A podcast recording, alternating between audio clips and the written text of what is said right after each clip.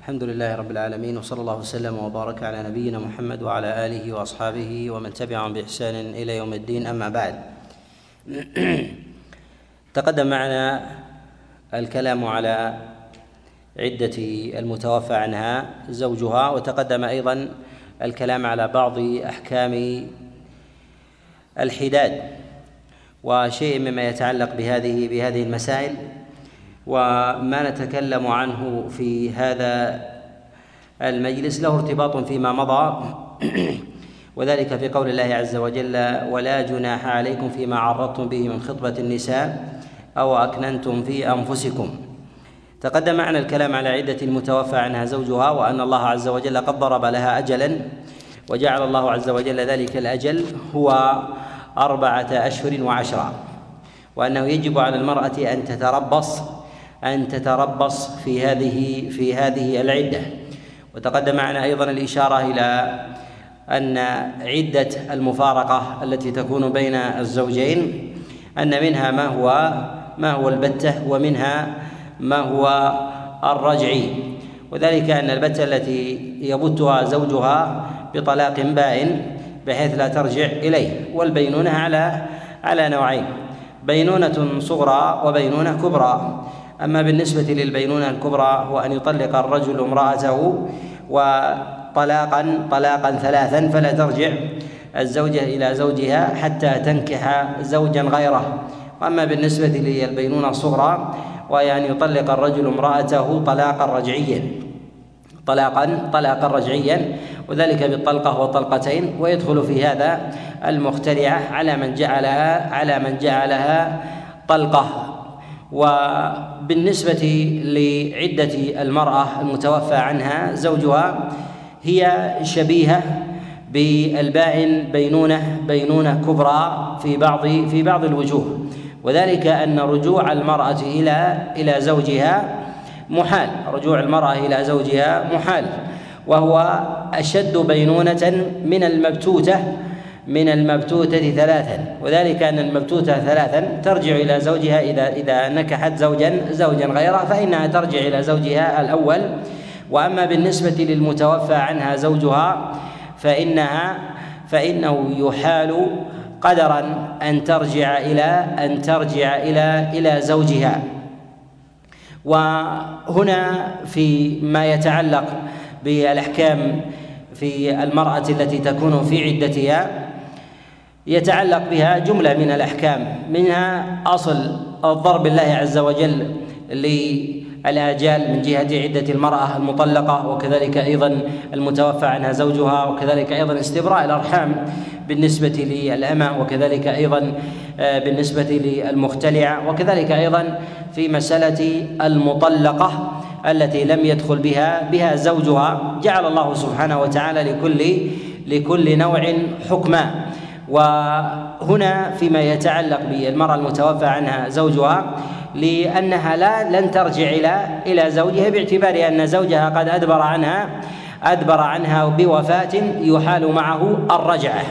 كان ثمة أحكام تتعلق بهذه المسألة منها مسألة منها مسألة الخطبة أن يتزوجها رجل بعد بعد زوجها فهي قطعا لن ترجع إلى إلى زوجها لهذا يسر الله عز وجل في مثل هذا في مثل هذا الأمر ما لم ما لم يكن في غيرها من جهة المرأة التي يطلقها يطلقها زوجها ولها ولها رجعة إلى إلى زوجها ولو بعد زوج غيره على كلام عند الفقهاء في هذه المسألة.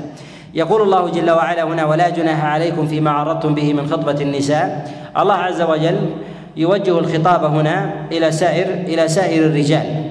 ما عرضتم به من خطبة النساء. المراد بهذه الآية هن النساء اللاتي توفي عنهن أزواجهن وهي مرتبطة بالآية السابقة. وليس المراد بذلك هي جميع النساء وإنما المراد بذلك هي المرأة إذا إذا توفي عنها زوجها. وأما المرأة التي التي لم تكن بذات بذات زوج فإن خطبتها سواء كان ذلك سواء كان ذلك تعريضا أو ليس بتعريض فإن هذا داخل في دائرة في دائرة الإباحة. والمرأة المتزوجة لا يجوز للإنسان أن يعرض لها سواء كان ذلك أن يخطبها سواء كان ذلك تعريضا أو تصريحا لكونها في عصمة في عصمة زوج. وكذلك المرأة إذا كانت رجعية يعني ترجع إلى زوجها فطلقها طلقة أو طلقها طلقتين.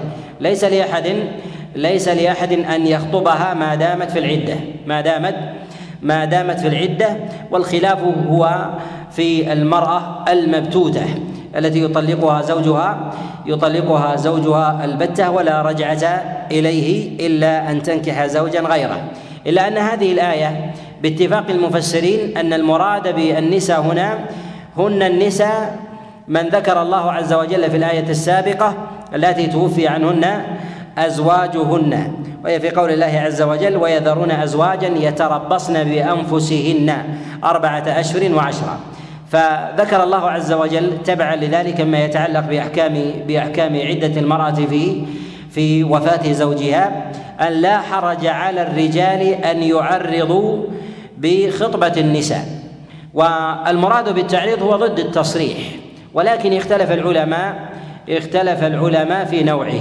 وهذه الآية فيها دلالة مفهوم وهي دلالة الخطاب عند الأصوليين على أن على أن الترخيص بالتعريض دليل على النهي عن التصريح دليل على النهي عن على التصريح. وذلك أن الرجل لا يجوز له أن يصرح بخطبة امرأة إذا كانت في عدة وفاة. إذا كانت في عدة وفاة ولكن رخص الله عز وجل بالتعريض. والتعريض كما يعلم أنه أنه ضد ضد التصريح وما لم يكن تصريحا من العبارات التي يفهم منها المقصود ليس باليقين وإما وإنما بالظن أو بغلبة بغلبة الظن. وهذا يختلف بحسب عرف الناس وبحسب أحوالهم ولغاتهم. فهم يختلفون ويتباينون في ذلك.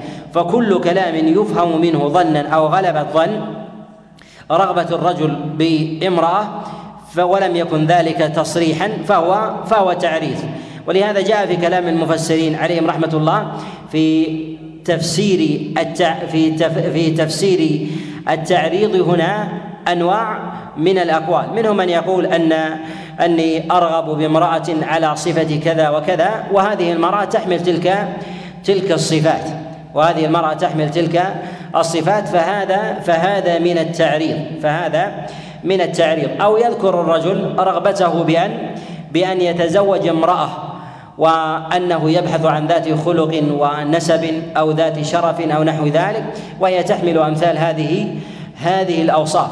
أو أن يعرض عليها عرضا ليس بصريح. يقول إن خرجت من العدة فآذنيني يعني فأخبريني. فهذا يحتمل أن يكون هو الذي يريد يريد أن يتزوج أو يريد أن يبحث لها أن يبحث لها عن زوج. فهذا نوع من من التعريض وليس وليس بالتصريح. هذه الآية دليل دليل على منع التصريح بخطبة النساء في في المرأة المتوفى عنها زوجها. فهي تدل على بدلالة المفهوم على على معنيين. النهي عن التصريح في المتوفى عنها زوجها أن يخطبها الإنسان. الدلالة الثانية النهي عن التعريض والتصريح في المرأة المعتدة بطلاق الرجعي ولهذا خص الله جل وعلا الترخيص هنا في مسألة الوفاة لأن ذلك لأن ذلك مختص بها ولا يدخل في فيها غيرها. وقد تقدم معنا أن الله جل وعلا ذكر عدة المرأة المطلقة.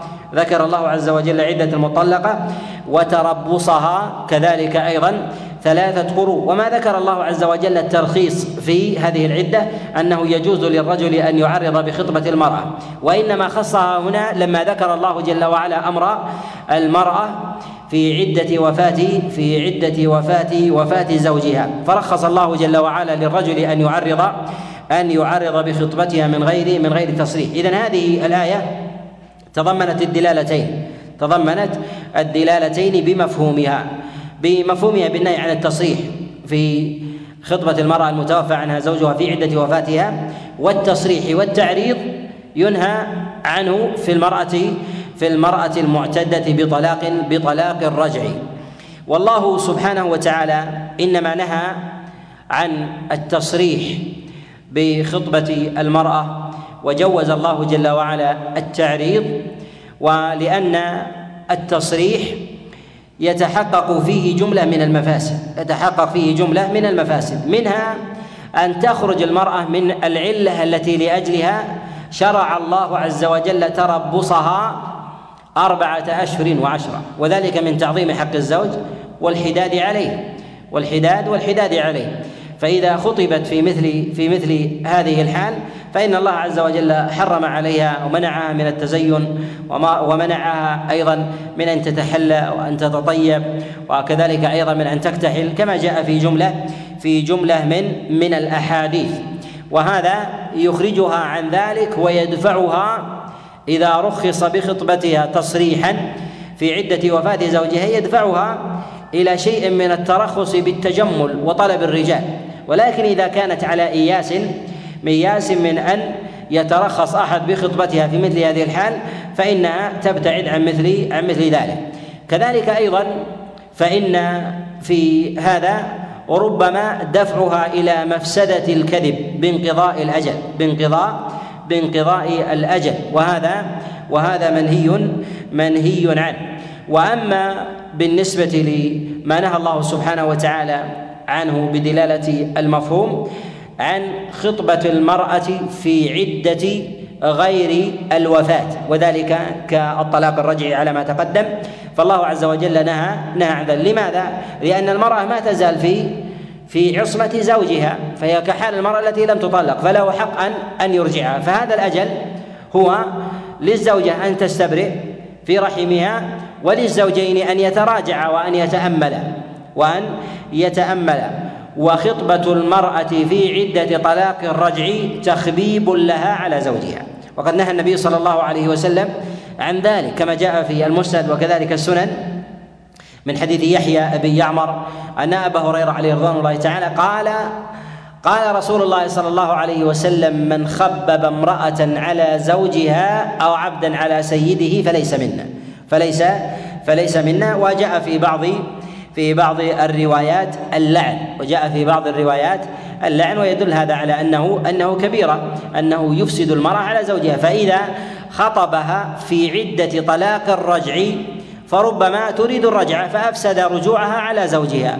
وكذلك أيضا فربما يريد زوجها أن يرجعها وتأباه لأنها تطمع أو لأنها طمعت بغيرها. فنهى الله عز وجل عن ذلك.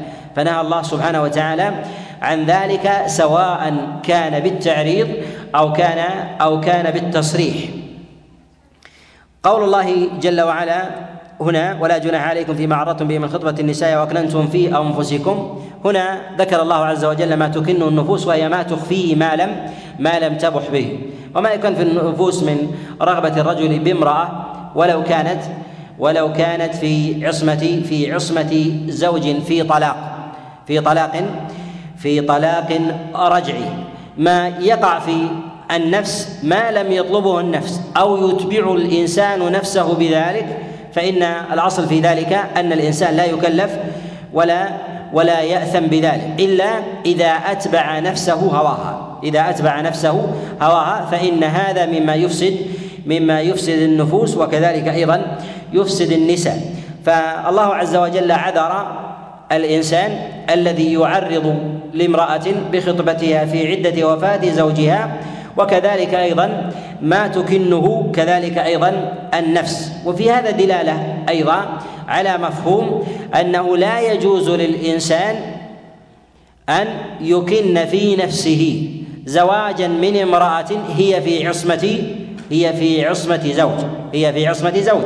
ولهذا الله عز وجل ذكر هنا ما تكنه النفوس وذكر الله عز وجل التعريض. ذكر الله عز وجل التعريض. فكأن الله سبحانه وتعالى ينهى عن غير هذه الحال. لماذا؟ لأن هذا يدفع الإنسان ربما إلى شر أو ربما يدفع الإنسان إلى الإغواء. فإذا وجد الإنسان خاطرة في مثل ذلك فإنه يدفعها وأما التي يجوز له أن يبقيها وأن يسترسل فيها هي في مثل هذه الحال إذا كانت المرأة قد توفي زوجها باعتبار أنه لا أمل برجوع برجوع زوجها إليها فلا حرج على الإنسان أن يوقع شيئا في نفسه فيتربص خروجها من عدتها ليقوم بخطبتها وكذلك أيضا التعريض التعريض بذلك. وهذا على ما تقدم في مسألة التعريض على خلاف على خلاف عند الفقهاء عليهم رحمة الله تعالى في معانيه من الفقهاء من جعل التعريض بالقول ومنهم من جعله بالفعل كان يبعث هدية للمرأة. نص في ذلك بعض الفقهاء كما جاء بعض الفقهاء من أهل الكوفة كإبراهيم النخعي قال لا حرج عليه أن يبعث إليها هدية. قال وهذا من التعريض. يعني هذه هدايا العدة وما بعد العدة يكون أفضل. ورواه عن إبراهيم النخعي حماد بن أبي بن أبي سليمان. وذهب إلى هذا أيضا جماعة من الفقهاء من من المتأخرين. وهذا مما لا حرج فيه ما لم يكن فيه تصريح. أن تتضمن الهدية على كتاب أو نحو ذلك فهذا فهذا ينهى ينهى عنه. يقول علم الله أنكم ستذكرونهن ولكن لا تواعدون سرا.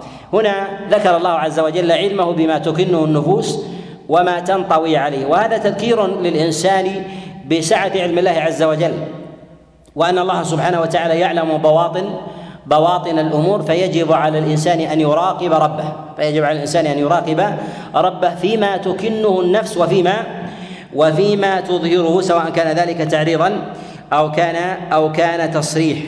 قال وأكننتم في أنفسكم علم الله أنكم ستذكرونهن ولكن لا تواعدوهن ولكن لا تواعدوهن سرا. ذكر الله سبحانه وتعالى التعريض وما في النفس وذكر الله عز وجل أيضا هنا المواعده سرا. فما المراد بهذا في قول الله جل وعلا؟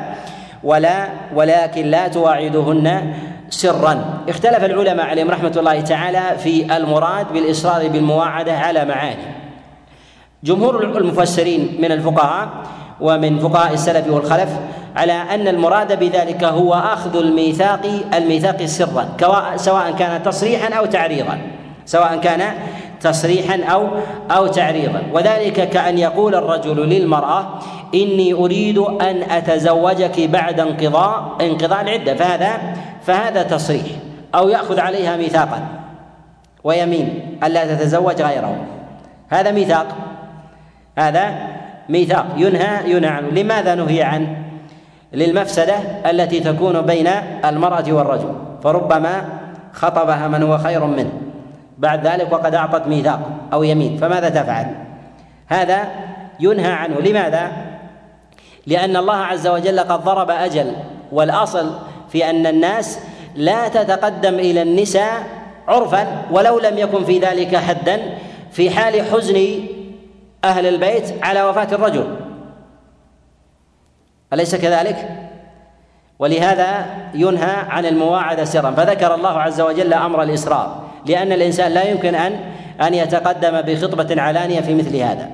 فنهى الله عز وجل عن ذلك. فنهى الله سبحانه وتعالى عن ذلك. لهذا نقول إن أمر الميثاق سرا منهي عنه. العلة في هذا لورود المفسدة بينهما. من هذه المفاسد أن المرأة ربما يأتيها خاطب أمثل وهذا يفسد عليها الميثاق. الذي أخذه عليها ذلك الرجل. وهذا شبيه بمسألة فقهية وهي مسألة تلقي الجلب نفس العلة وتلقي الركبان.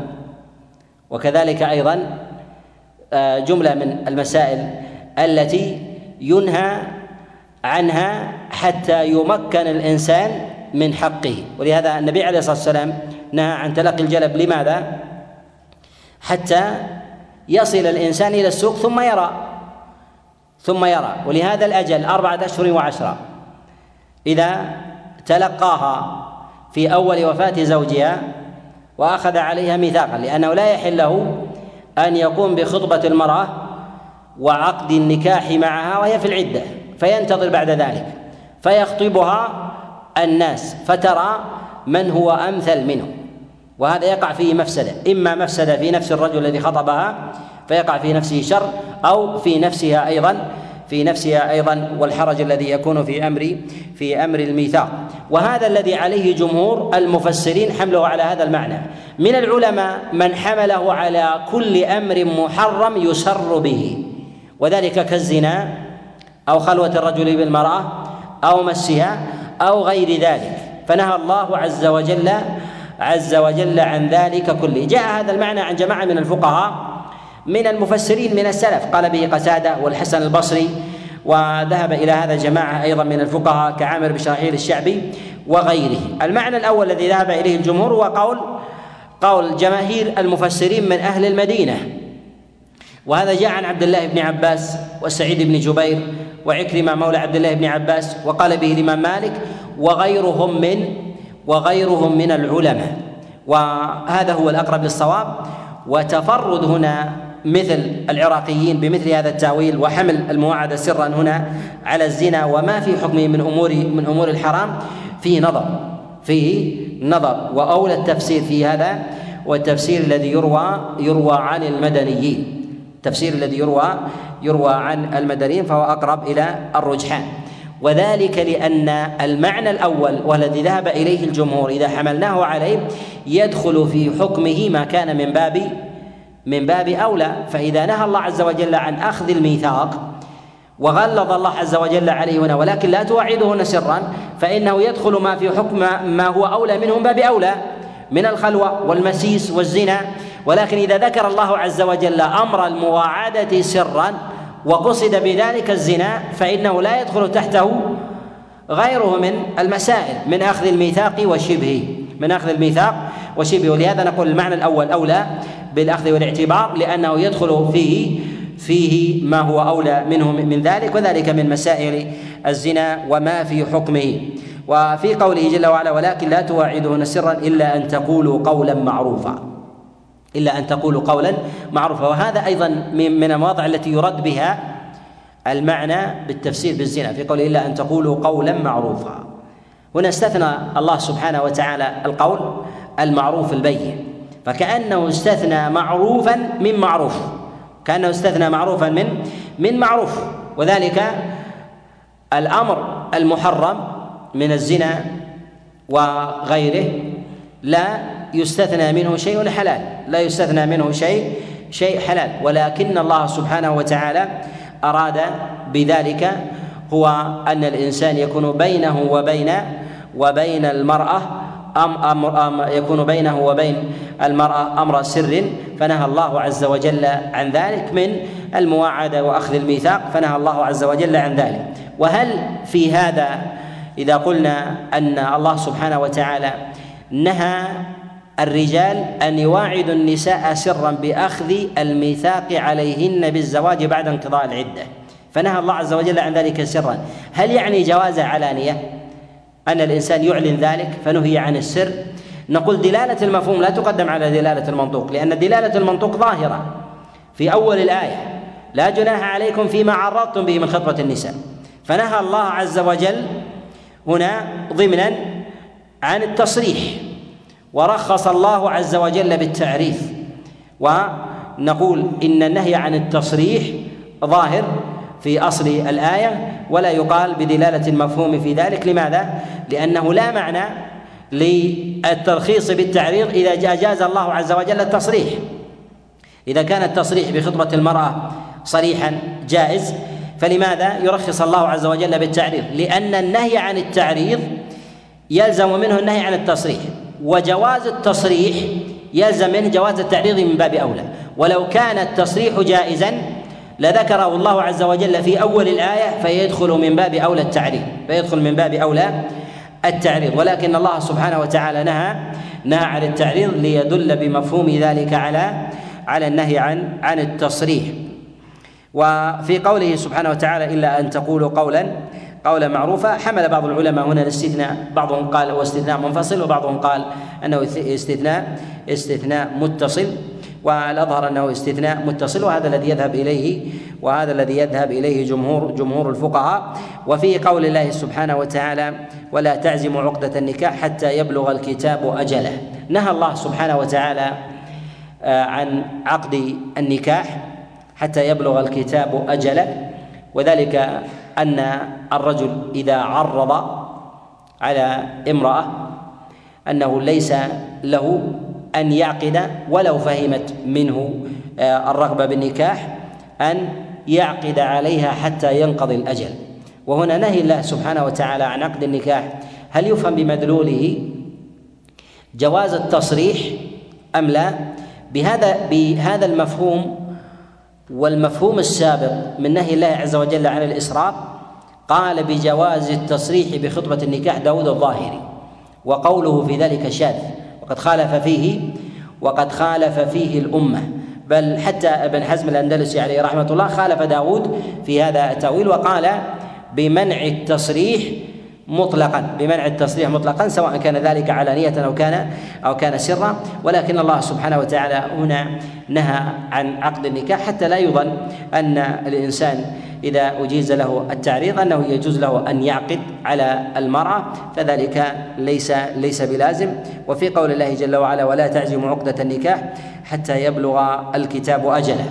والمراد بالكتاب والأجل مراد بالأجل هو أربعة أشهر وعشرة. والكتاب الذي كتبه الله عز وجل هو الذي فرضه هو الذي فرضه. فالمراد بالكتاب هنا هو الجمع أي مما فرضه الله عز وجل كما في قول الله سبحانه وتعالى كتب عليكم الصيام كتب عليكم القتال كتب عليكم القصاص يعني الذي فرضه الله سبحانه وتعالى على الناس من تشريعه. والمراد بالكتب هو الجمع المراد بالكتب هو الجمع والتوثيق. وإذا عقد الرجل على المرأة إذا عقد الرجل على المرأة وهي في عدة وفاة زوجها ثم دخل بها بعد بعد ذلك فما فما الحكم؟ نقول إن هذا فرع عن القاعدة وهي النهي هل يقتضي الفساد أم لا؟ الله عز وجل نهى عن ذلك صراحة فهل يعني من ذلك فساد العقد؟ هو آثم ولا خلاف عند العلماء في ذلك في تأثيمه. ولكن في صحة عقده هل يفرق بينهما ثم يطلب من ذلك العقد الجديد؟ نقول هذا قد اختلف فيه العلماء على ثلاثة أقوال. ذهب جماعة من العلماء إلى أن العقد في ذلك فاسد إلى أن العقد في ذلك فاسد ويجب عليهما أن يعقد عقدا عقدا جديدا. وقالوا لأن النهي يقتضي الفساد وإذا كان الرجل مع زوجته فإنه يفرق بينهما حتى حتى يعقد عقدا جديدا. والقول الثاني في هذا قالوا إنه آثم ولكن العقد صحيح ولكن العقد العقد صحيح فلا يفرق بينهما فلا يفرق بينهما ولا يعاد العقد لأن العقد الأول ماضي. العقد الأول الأول ماضي. وعلى القول الثالث قالوا بأنه يفرق بينهما ولا يعقد بينهما فتكون البينونة بينهما بينونة تامة إذا واقع المرأة قبل إذا واقع المرأة قبل خروجها من العدة يقول هذا زنا هذا زنا. والزنا إذا زنى الرجل بامرأة على قول جماعة من السلف وبه قضى عمر بن الخطاب عليه رضوان الله أنه أنهما لا يتجامعا بنكاح وقد اجتمع بسفاح. لا يتجامع بنكاح وقد اجتمع بسفاح. ذهب إلى هذا عمر بن الخطاب وقضى به مالك بن أنس وهو رواية عن الإمام أحمد عليه رحمة الله ورواية عن الإمام أحمد عليه رحمة الله.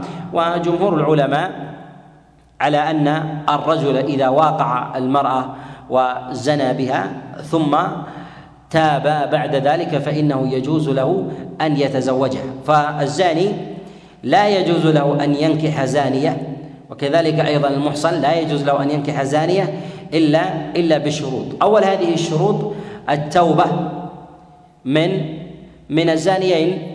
إذا كان الزوج هو الزاني بها فلا بد أن يتوب فلا بد أن يتوب. وإذا كان المحصن يريد أن يتزوج امرأة زانية فلا يجوز أن يتزوجها حتى تتوب حتى تتوب ويظهر وتظهر ويظهر صلاحها صلاحها بعد بعد ذلك. فإذا تابت جاز له أن يتزوجها لأن الأصل أن الزانية لا ينكحها إلا إلا زاني مثلها أو مشرك.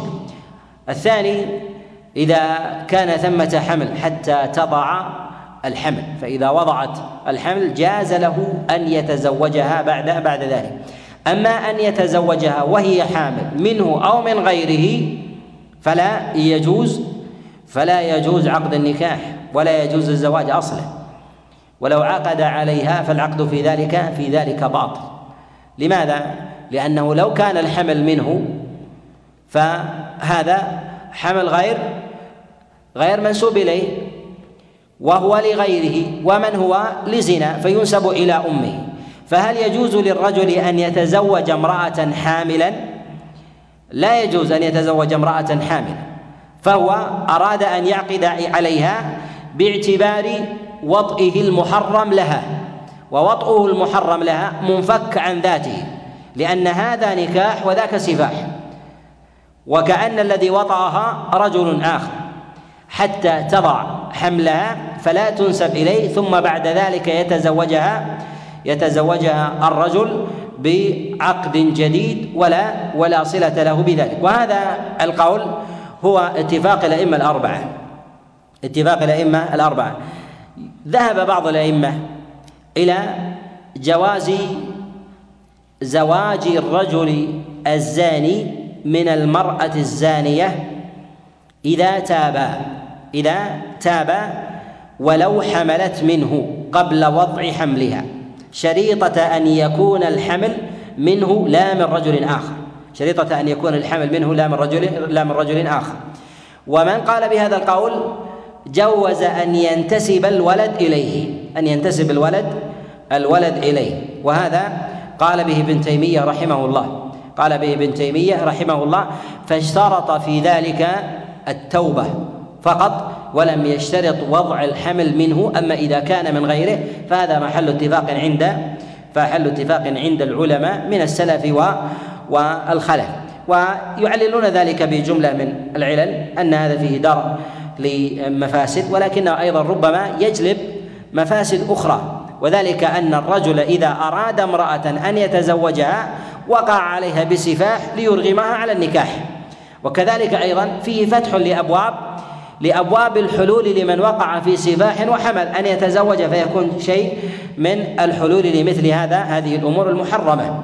لمثل هذه الأمور المحرمة وهذه المسألة هي محل محل نظر.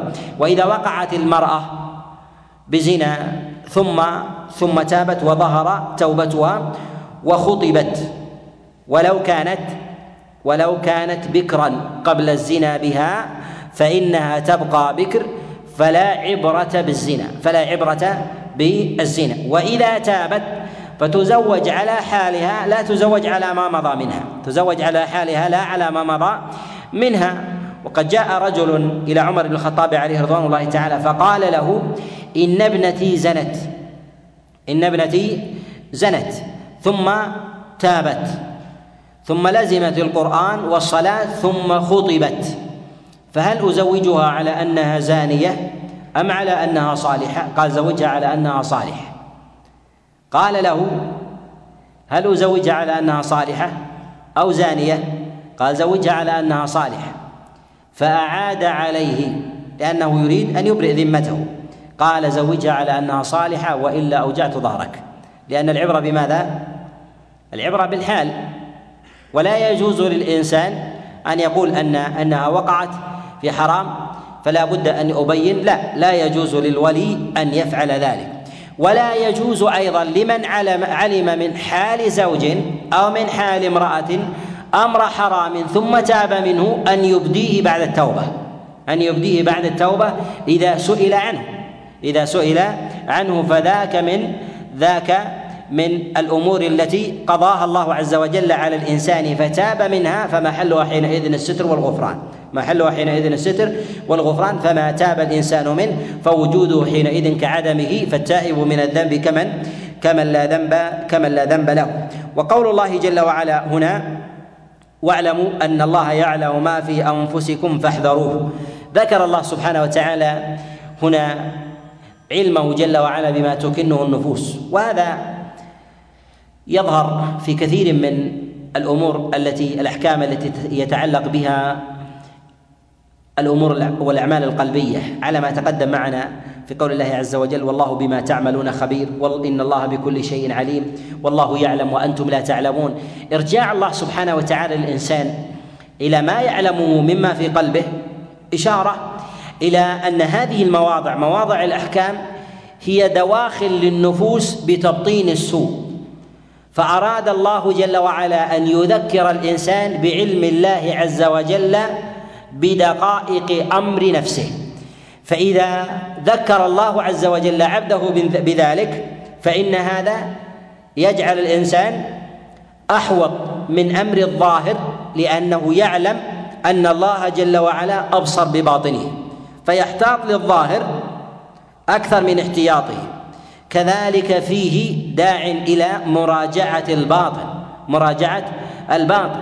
ولهذا الله سبحانه وتعالى في علمه بالنفوس وتخطيها وكذلك تدرجه في أمر الباطن لأن شر الظواهر ينبع ينبع من الباطن وذلك أن الباطن كالقلب يملأه شيء من الشر يملأه حتى يفيض فإذا فاض ظهر على الجوارح فإذا فاض ظهر على الجوارح فذكر الله عز وجل الإنسان بعلمه سبحانه وتعالى بما يقع في نفوس العباد. من أمر من أمر السوء حتى لا يتنامى ويفيض. وإلا فخطرات النفس وما يقع في نفس الإنسان فالله عز وجل يعفو يعفو عن عن عباده بذلك. وقول الله والله جل وعلا وقول الله جل وعلا واعلموا أن الله يعلم ما في أنفسكم فاحذروه. ذكر الله عز وجل الحذر هنا. و كل الحذر في القرآن بالأمر. كل الحذر في القرآن بالأمر. والخوف بالنهي. لا تخف لا تخاف. أما الحذر فاحذر. فاحذر. لماذا؟ لأن الخوف يدفع إلى ماذا؟ إلى عدم العمل. إلى عدم العمل. والحذر يدفع إلى التوقي لا إلى عدم العمل. وكذلك أيضا فإن نقاوة العمل فان نقاوه العمل وصفائه تكون بالحذر لا بالخوف لأن الخوف يفضي إلى العجز والتهيب من المبادرة. فالله سبحانه وتعالى ينهى عنه. وأما بالنسبة للحذر فهو إقدام مع توقي فهو إقدام إقدام مع توقي ولهذا الله عز وجل يأمر به. وأمر الله سبحانه وتعالى بالحذر حتى لا يقع في العمل والقول شيء من الشائبة. لأن الإنسان يؤتى من عدم حذره. لا يؤتى الإنسان من عدم حذره لا من خوفه لأن الخوف يدفع إلى الترك. الخوف يدفع إلى الترك ولهذا الله عز وجل ينهى عنه. ويأمر بالحذر حتى لا يدخل في قول الإنسان وفي عمله شيء من شائبة من شائبة الشر والباطل من المجازفة والمخاطرة وغير ذلك. فحذر الله عز وجل الإنسان من ذلك. وقال سبحانه وتعالى فاحذروا واعلموا أن الله يعلم ما في أنفسكم فاحذروا واعلموا أن الله غفور حليم. ذكر الله سبحانه وتعالى هذين الاسمين وهو الغفور والحليم أي أن الله سبحانه وتعالى لو بدر من الإنسان شيء فإن الله سبحانه وتعالى يرجيه بالغفران ويرجيه كذلك بشيء وهو أن الإنسان إذا وقع في أمر حرام ثم لم يقع عليه شيء من الشر أو العقوبة العاجلة ذكره بحلمه سبحانه وتعالى. أن الله عز وجل غفور وأيضا حليم لو وقع منك أمر محرم فلا تنتظر عقوبة عاجلة فإن عقوبة الله عز وجل العاجله أشد إذا لم تتب. فإن عقوبة الله عز وجل الآجلة أشد ولهذا جعل الله سبحانه وتعالى الإنسان بين رجاء وخوف. بين رجاء وخوف وترجيه في ذلك من جهة الغفران أن يبادر بالمغفرة وتخويفه أنه لا لا أن أن ينتظر عقاب الله سبحانه وتعالى في الآخرة. فالله جل وعلا إذا أجل العقاب عليك وكنت في بلاء ولم يعاقبك الله في الدنيا فإن الله أراد بك شرا ليعاقبك به في الآخرة. ولو أراد الله بعبده خيرا لعجل البلاء له في الدنيا. لعجل البلاء له في الدنيا. ولهذا نقول إن الإنسان الذي يسلم من البلاء أمارة على عدم حب الله له على عدم حب الله له. وإذا قرب من الله سبحانه وتعالى من جهة الطاعة فإن الأولى بذلك أن يزداد بلاء أن يزداد بلاء. وإذا ابتعد عن الله وابتعد عنه البلاء فإن الله عز وجل أراد به مزيد بعد مزيد بعد. وذلك أن الله عز وجل سلمه من البلاء ولم يكن من أهل الطاعة سلمه من البلاء لأن البلاء يعيد الإنسان إلى الله. البلاء يعيد الإنسان إلى الله فإذا كان غنيا ثم مسه بفقر أو بمرض التفت إلى من؟ التفت إلى الله. ولكن الله عز وجل نعمه وأبقاه على ما هو فيه من خير ولم ينزل عليه بلاء. ليصده حتى يقبض على مثل هذه الحال فلا يلتفت إلى الله. فلا يلتفت. ولهذا ينبغي للإنسان إذا سلمه الله عز وجل من عقوبة وابتلاء وهو يقع في محرمات ولا يتوب منها ثم لا ينزل عليه شيء من البلاء لأن البلاء يكفر فليعلم أن أنه ينكر به. أنه ينكر ينكر به فعليه أن أن يؤوب وأن يتضرع إلى الله سبحانه وتعالى. بالرجوع والإنابة.